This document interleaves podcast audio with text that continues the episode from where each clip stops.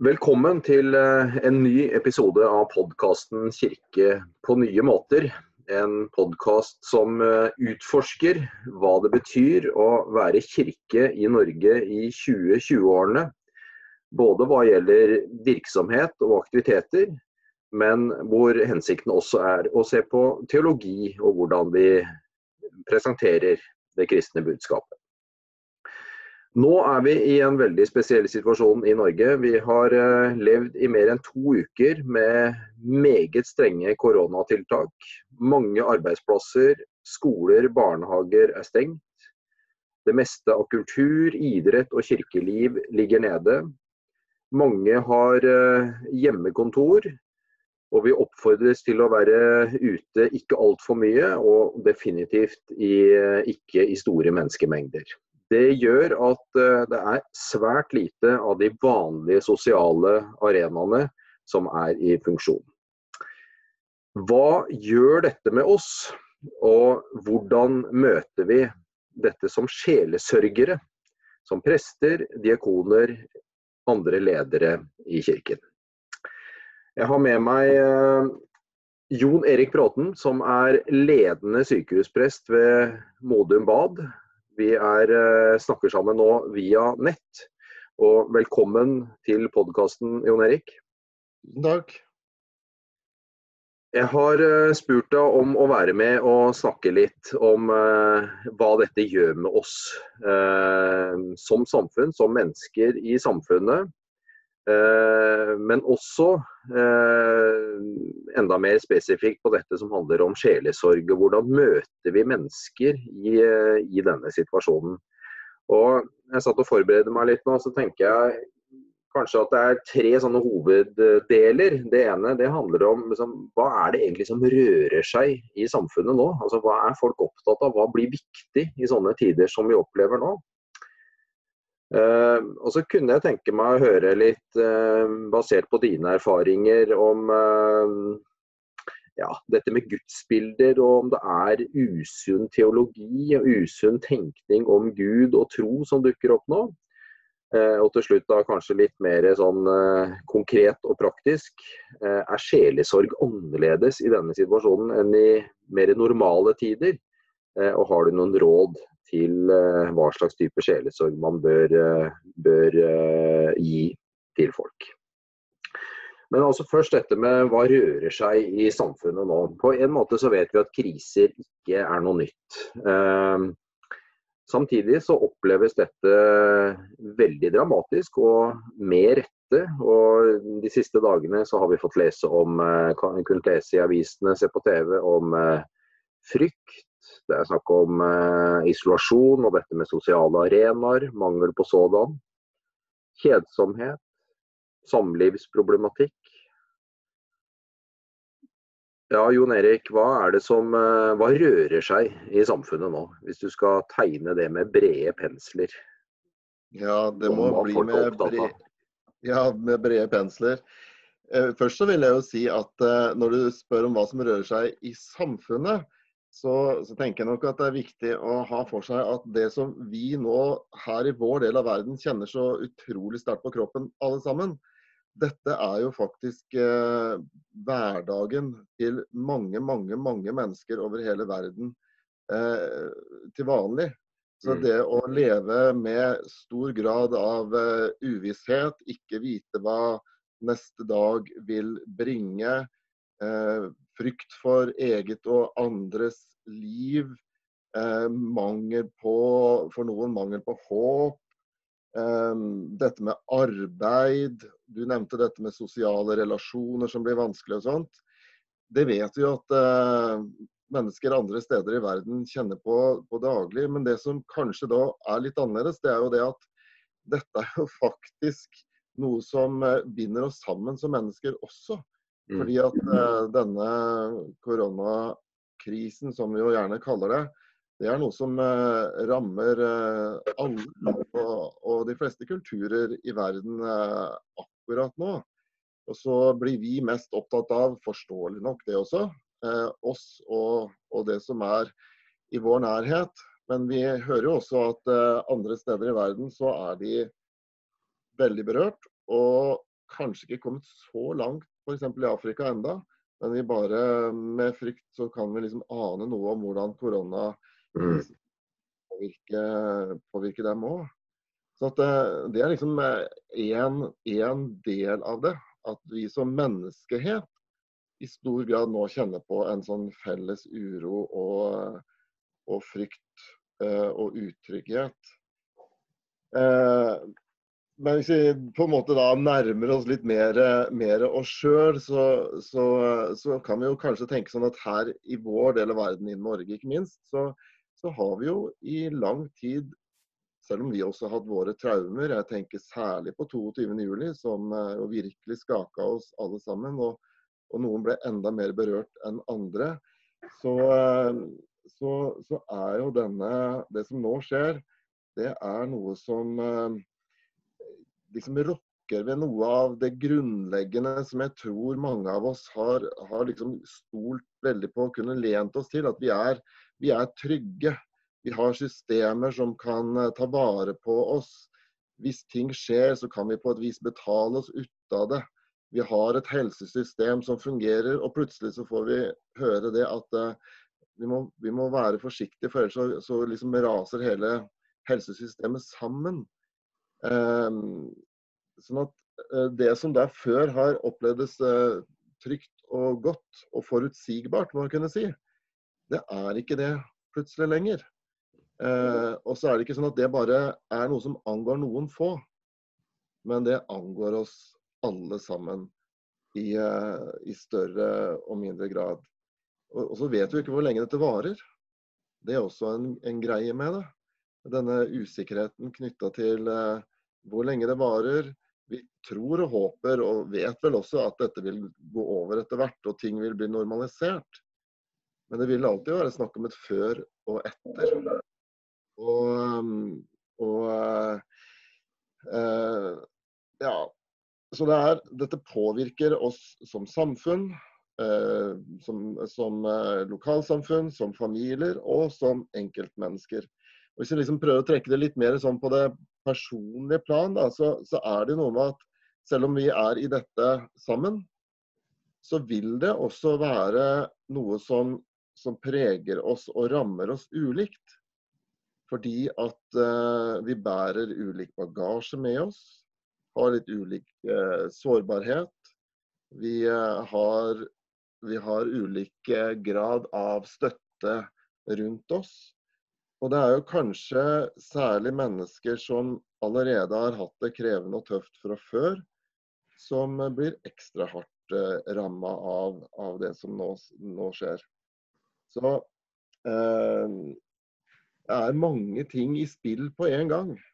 Eh, som jeg allerede nevnt. Utrygghet, uro, fremtidsuro. Eh, du nevnte kjedsomhet, Knut. Altså Plutselig så så er det jo sånn at vi ikke lenger kan ta del i de vanlige fritidsaktivitetene f.eks. som har gjort. Mange i Norge er, eh, er permitterte eh, og har ikke noe jobb å gå til. Og vet heller ikke om de får noe jobb å gå til når krisen er over. Hva skal de fylle alle denne tiden med? Og ikke kan vi besøke hverandre noe særlig heller. Eh, sånn at det, setter, det liksom på en måte setter i gang ganske sånne store store, grunnleggende spørsmål ved hva det vil si å være menneske, og hva det vil si å være menneske i verden. Og for eh, de av oss som tror, så, så, er det også mange som da begynner å stille spørsmål knytta til Gud. Hvor er Gud i dette? Eh, det skal vi komme tilbake til etter hvert. da. Ja. ja, ja. er noe jeg tenker på altså nå det du sier, eh, at nå, nå gjelder det på mange måter alle. Altså, og Hvis vi holder oss her i Norge, det holder, det holder på en måte. At det er alle i Norge. For det, dette med sårbarhet og, og sånn har vi jo liksom snakka om kanskje mer som en sånn litt mer sånn teoretisk greie. Og så har vi klart å håndtere det når ikke så fryktelig mange rammes av gangen. Men nå er vi på en måte alle som rammes av det på en gang. Eh, og så sier du noe om det. Vi har levd på en måte på trygg avstand fra det og tenkt at sånne problemer skjer i andre deler av verden. Vi kan kjøpe oss ut av det, vi lever så fjernt fra det. og på en måte så vi kan, er, er, vi forberedt på det? Altså, er vi i stand til å takle det? Det er jo et spennende spørsmål. da. Nå kommer det mye pakker i forhold til uh, å redde økonomi osv. Og, så og det er viktig. Men, uh, men, alt det andre som går på det eksistensielle, om det å være menneske i en sånn situasjon uh, det må, det, For de aller fleste av oss så må jo dette ha vært et sjokk. Jeg, for min egen del kjente jeg på sånn nummenhet og sjokkfølelse de to-tre første dagene sånn totalt, liksom. Ja. Vet du, det er veldig, veldig interessant at du, du, at du, trekker fram det. Altså Alle pakkene da, som, da, som rulles ut for å hjelpe til med bedrifter og, og sånt. og det er, det er, jo så flott. Og vi er, Sånn sett er vi heldige i Norge som har, har en stor bankkonto som vi kan eh, benytte oss av, som kan hjelpe oss gjennom denne krisen. Men så er det alt det som dette setter i gang og Der er vi nok ikke enda at vi ser helt hva slags konsekvenser det får. Jeg tror ikke vi har en god nok beredskap eh, knytta til dette. Vi vet jo at skoler nå de siste par-tre åra har hatt litt fokus på det overfor barn. Eh, lære barn at livet er også at man får motgang, at det skjer kriser. Eh, og lære seg til å, håndtere det som noe som er normalt i livet. Eh, men det er jo et poeng da, at man, er, at man er nødt til å lære det på en måte på skolen. Um, og jeg er jo ikke sikker på da om, om, vi som, uh, om, vi som, nasjon, som folk, på en måte er, er, forberedt nok. Vi har snakket om sårbarhet, men å erfare det og kjenne det sjøl, og hvordan vi reagerer på det, det er jeg litt mer uh, usikker på. Så det blir, det blir veldig avgjørende også framover å kunne ha litt fokus på det. For jeg tror nok at det er en del som vil eh, Når vi kommer på den andre siden av denne koronakrisen, så vil det være mange som, eh, nye spørsmål som dukker opp. ting som man er nødt til å bearbeide og sånt. Og da da, da, må vi også, selv om det ikke finnes noen pakker for det enda, og selv om man ikke har tenkt på det enda, så i hvert fall ikke i stor grad, så, så tror jeg man er nødt til å gjøre noe der. altså. Her tenker jeg jo at vi som kirke, eh, faktisk, ikke bare faktisk, men at vi har her har vi noe med oss som, eh, som vi kan bidra med. Eh, eksempel, så Det er jo ikke noe nytt at, at vi i Kirken Eh, baler med disse store eh, livsspørsmålene. Eh, det er ikke noe nytt. Verken, altså, da tenker jeg ikke nødvendigvis på hvilke svar vi finner, men at vi er vant til å tenke, tenke på det, reflektere over det. Og ikke ta ting for gitt. Når Kirken er på sitt beste, så, så, vil, så, så kan en både stille spørsmål og antyde noen svar uten å bli skråsikker, kanskje. Eh, og også kunne tåle å, å, leve med paradokser, og at det er ikke alle, er ikke alle spørsmål som nødvendigvis har noen åpenbare svar. Så her, her, kan vi håpe og tro at vi som kirke kan bidra i fortsettelsen. Mm. Ja, og vi skal jo litt inn på det, for det, det er jo spennende. Vi så det, um, det det, har vel på en måte blitt bekrefta fra mange hold, uh, ikke minst fra kirken selv, at nå uh, nå må vi på en måte tenke at uh, her kan vi som kirker, og som prester og diakoner og andre ledere i kirken, faktisk gjøre en forskjell i denne situasjonen. Uh, uh, vi kan bidra til å gjøre folks liv litt lettere, kanskje, og være samtalepartnere osv.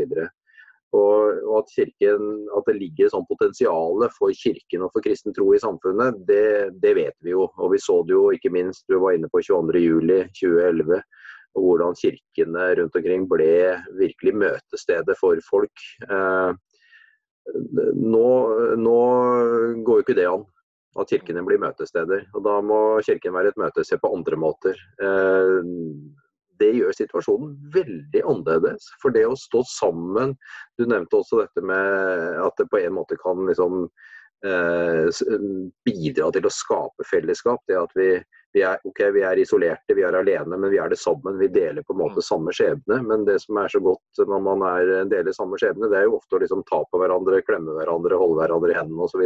Det kan vi jo ikke nå. Det er veldig annerledes. Ja, det er helt sant. Det er, det er veldig annerledes. Og heldigvis så, så, er jo ikke dette noe som vil uh, være en normal situasjon. Så for det å kunne ha den, uh, den tette kontakten også fysisk, er, vi er skapt til det, tenker jeg. Sånn at uh, dette er et unntakstilfelle. og Samtidig må vi da prøve å finne ut hvordan kan vi uh, da være kirke uh, nå, sånn som situasjonen er nå. Og hva kan vi også lære av dette som vi kan ta med oss videre som kirke når dette normaliserer seg etter hvert. Jeg er utrolig glad for at vi nå f.eks. har alle disse altså, sosiale medier som gjør at at det er mulig å kunne være til stede på et vis i kirka si, den lokale kirka si, ved å sitte på, på, på nett og, se på en gudstjeneste. Så selv om det liksom bare er prest og, og kanskje en kirketjener og en organist og sånn som er til stede i selve kirka, så kan man likevel sitte hjemme og føle at man har en, en tilhørighet. Eh, det er utrolig bra. Jeg har også lagt merke til hvordan eh, kirker og menigheter og institusjoner har vært tydelige på at det går an å ringe, chatte osv. Også utrolig, eh, utrolig flott, altså. Så vet jeg jo at det finnes eh, kirker og menigheter som, som virkelig stiller opp for, eh, for folk lokalt. Med, I går hørte jeg om noen som bakte brød som de delte ut til noen som trengte det. Ehm, det å kunne gjøre noe praktisk, f.eks., det er også en annen måte å være kirke på, som vi i Norge, vår del av verden, kanskje ikke har vært like god på. altså denne, Med de praktiske, diakonale handlingene. Men det er jo også noe som denne situasjonen nå kanskje kan hjelpe oss til å komme i gang med, og som vi forhåpentligvis vil fortsette med etter hvert. Så er det noe, altså Jeg har eh, vært litt sånn opptatt av at vi har en bærbar tro. Ehm, at eh, troen ikke bare er knytta til kirkerommet, men, men, troen er jo noe vi bærer med oss eh, der hvor vi, hvor vi er. Altså, det er mange ting som det går an å legge dette begrepet bærbar tro, men, men, eh, men, det er noe vi, vi bærer med oss. Um, og kanskje kan vi f.eks. Eh, som kristne bidra til å hjelpe andre til å reflektere litt over situasjonen som en er i. Eh, når jeg nevner bærbar tro, så tenker jeg også på altså på Modum Bad, som jo er et psykiatrisk sykehus hvor jeg jobber, så har vi en kirke, Olavskirken. Den er åpen 24 timer i døgnet.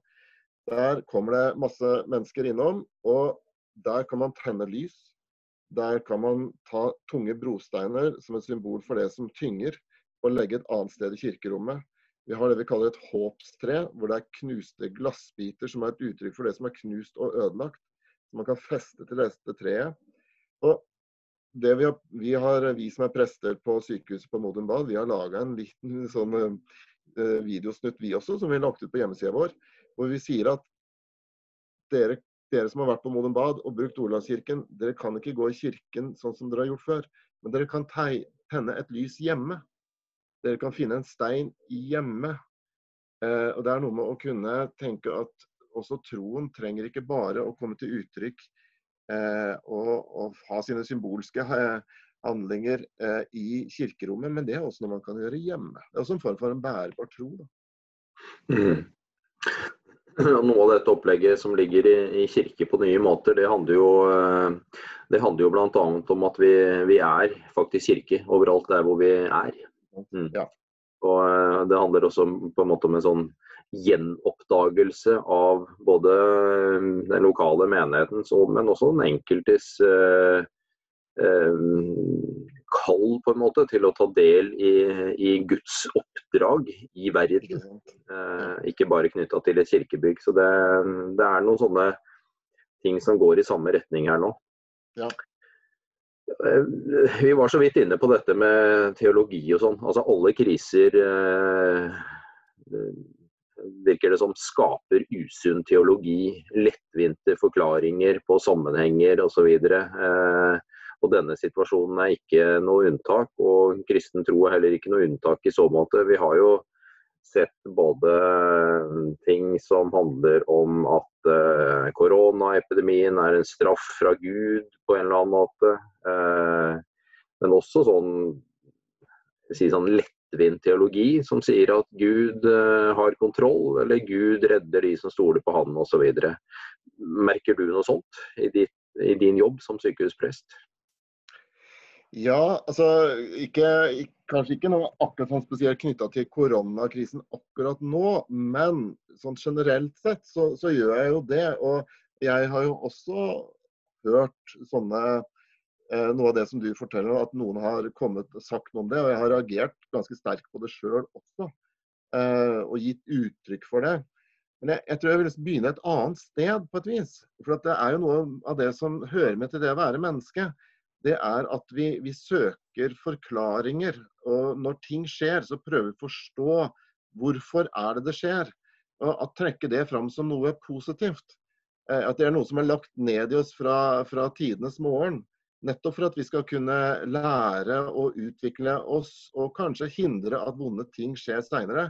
Så det, det, hører med til det å være menneske å søke forklaringer. Eh, og, og, Kirken har jo også vært et sted hvor man har både søkt eh, Prøvd å finne forklaringer på det som, som, eh, som, skjer rundt oss og med oss og, og i oss. sånn jeg tenker det, For det første så er det viktig, altså, viktig å få, fram at det er veldig forståelig at sånt skjer. Og særlig når krisen rammer. Så er det vanlig. Men, men så er det da at uh, det fort kan fare galt av sted.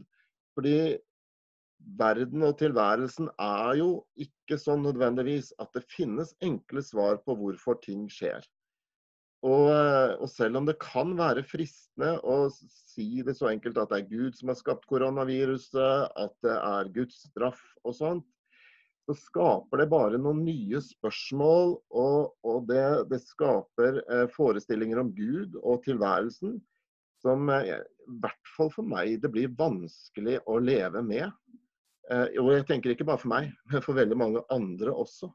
Altså Det blir mer ord og forklaringer som, eh, som stenger og lukker på et vis, enn en noe som åpner og som kan være til hjelp i krisen. Um, for mange av oss da.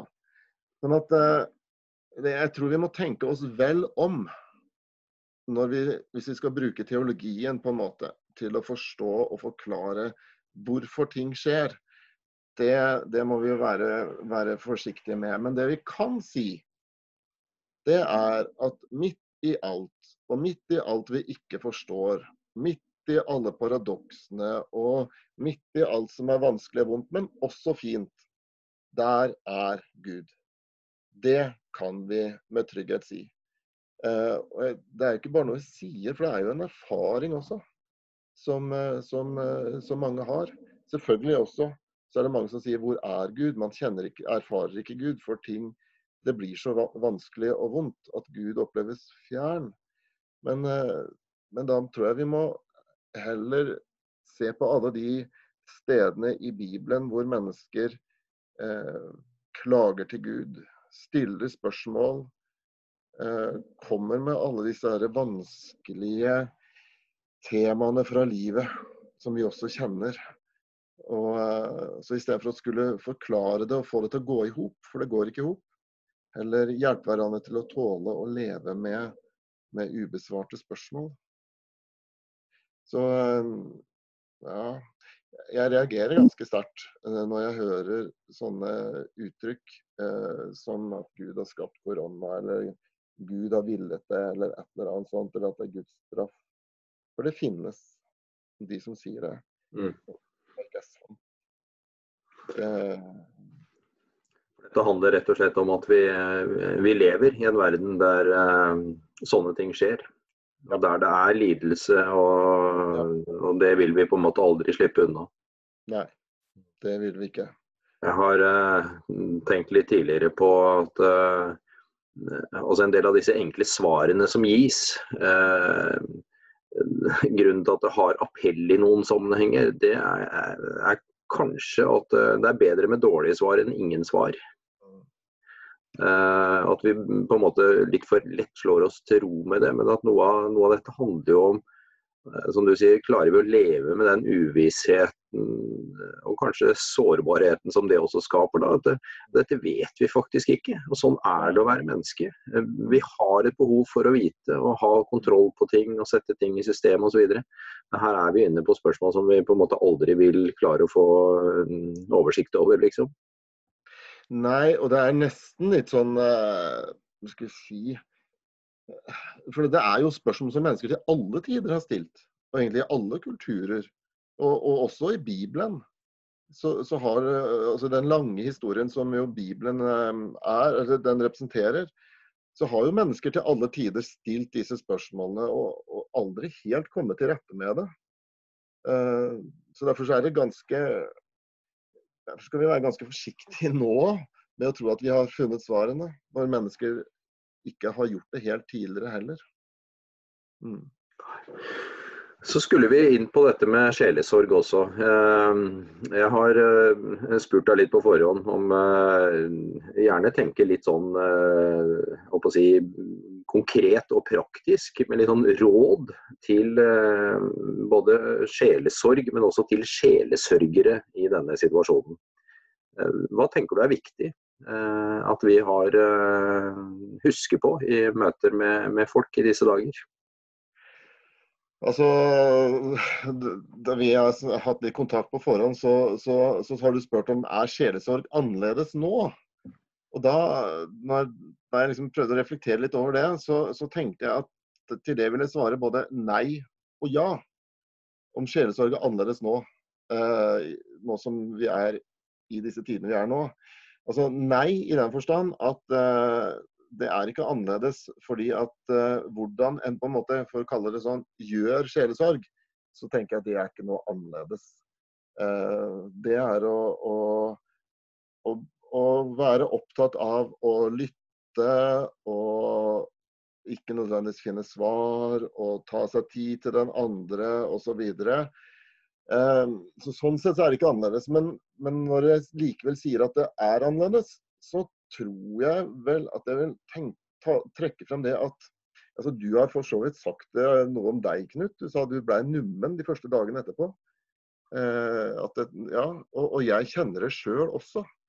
Eh, I egen kropp og i hele meg at uh, dette gjør noe med meg. Og hvis noe er annerledes nå, så tror jeg det vil, er sånn at uh, det er flere av oss som, eh, som, har behov for å ha noen å snakke med, enn det det er ofte til vanlig. For at ting som eh, kanskje ligger sånn latent under overflaten, som heller ikke kommer noe særlig til overflaten i det vanlige liv ellers, det, det kommer fram, og kanskje også nye ting.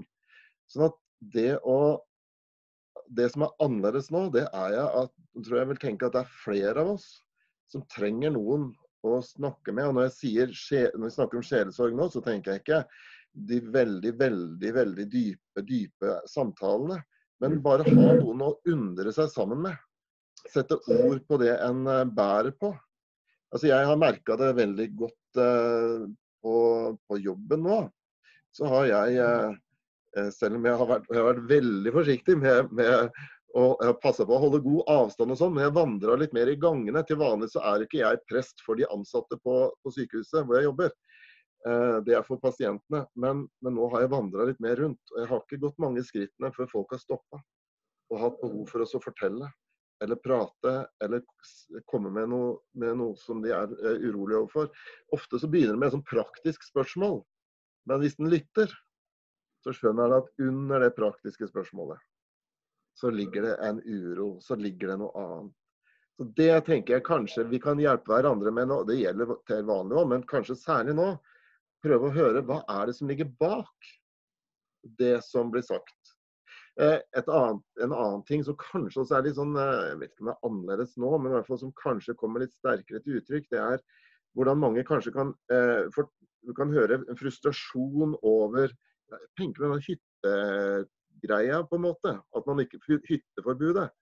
Eh, prøve å forstå at kanskje bak det hytteforbudet så ligger det denne, så ligger det noe annet. Det med å ikke ha kontroll lenger.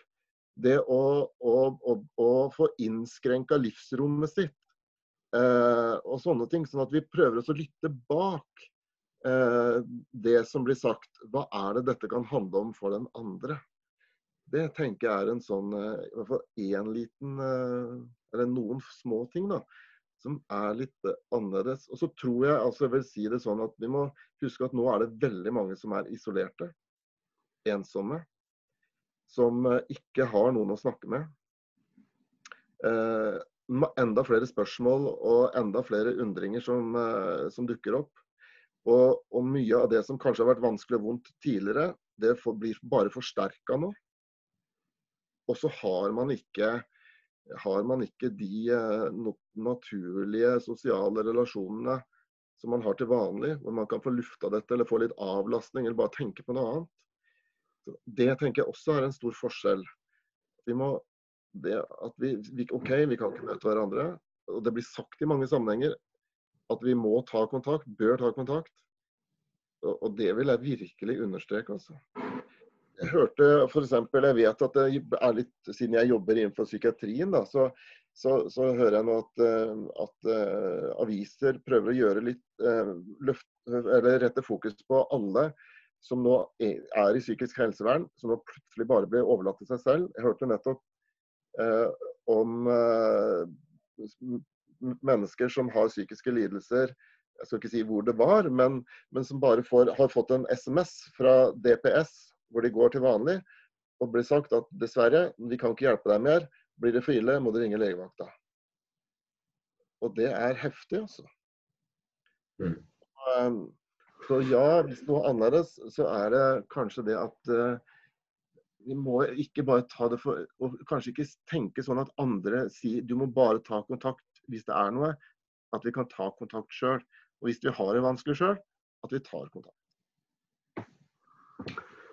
Jeg har uh, hatt mye kontakt med de prestene som, uh, som jeg uh, har med å gjøre nå de siste par ukene. Og jeg tror alle er enige om at nå i disse dagene så er telefonen det viktigste arbeidsredskapet vi har. og det er veldig OK, syns jeg, å få tilbakemeldinger fra, fra mange som sier at det å bruke ekstra tid med telefon for å snakke med folk uh, om korona og om andre ting Noen har ikke lyst til å prate om det, for de får altfor mye på TV osv. Men at det, det, faktisk både oppleves meningsfullt, og man får tilbakemeldinger på at dette gjør en forskjell i en vanskelig situasjon. Nå er det ikke alle det passer for, og alle man har mulighet til å gjøre det med. Men, men hvis en også har mulighet til å bruke Skype eller FaceTime eller et eller annet sånt, og ikke, ikke, bare telefon, så tenker jeg det også er en fin ting. For det å se et annet ansikt eh, kan også eh, for noen gjøre en forskjell. Det er ikke alle det er mulig å gjøre det med, men, eh, men det tar med det også som en sånn eh, mulighet. Da. Mm. Takk for mye gode innspill. Eh, jeg eh, vet jo at det er jo noe som noen Det gjelder kanskje ikke deg, men noen får mye bedre tid. Jeg har spurt om en, en bokanbefaling. Om du har en bok du vil anbefale til, til folk å lese. Kanskje i disse dager. Ja, altså Det er jo altså, jeg er prest, jeg er en som tror. Og for meg så, så En som har betydd mye i mange år, det er en, eh, en prest og tidligere professor som heter Notto Telle. Han har skrevet en veldig god bok. Eh, det er den siste boka hans, som heter 'Stillheten og skriket'. Tanker om tro og eksistens. Og, eh, og, en del av det jeg har snakket om i dag, er faktisk eh, preget av noe av det tankegodset som han eh, kommer med. Og det er en, sånn, eh, en liten bok som kan leses i porsjoner, nærmest som en liten andagsbok. Og som uh, jeg syns holder fram at mellom stillheten, altså der hvor vi er helt stille, og det på mest, fortvilte skriket vi kan ha, så midt me mellom disse ytterpunktene i livet, så finnes Gud. Ikke som en som gir alle svarene, men som er der gjennom alt sammen. Eh, og, så Det er en uh, bok som, uh, i hvert fall når jeg har lest den, både gir mye til troen min, uh, og så er det en bok som gir mye håp. Og det, det trenger vi. Ikke minst nå, sånn som, sånn som livet og verden er.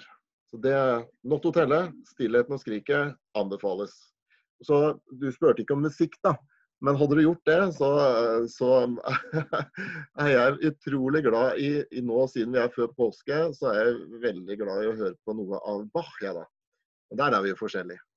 Men eh, jeg syns Bach har mye, mye god, god, musikk. Og hvis man hører etter tekstene hans, så, eh, så, har han også tekster som er utrolig tydelig kristne, og veldig sånn tar opp noe av det som det handler om, og hva det vil si å være menneske. Jon Erik Bråten, ledende sykehusprest på Modum Bad. Tusen takk for um, samtalen nå i formiddag. Så ønsker jeg deg en uh, fortsatt fin dag og ta vare på både deg selv og på andre. Og takk for eh, mange gode og spennende innspill. Lykke til i den jobben du også står i. Takk skal du ha.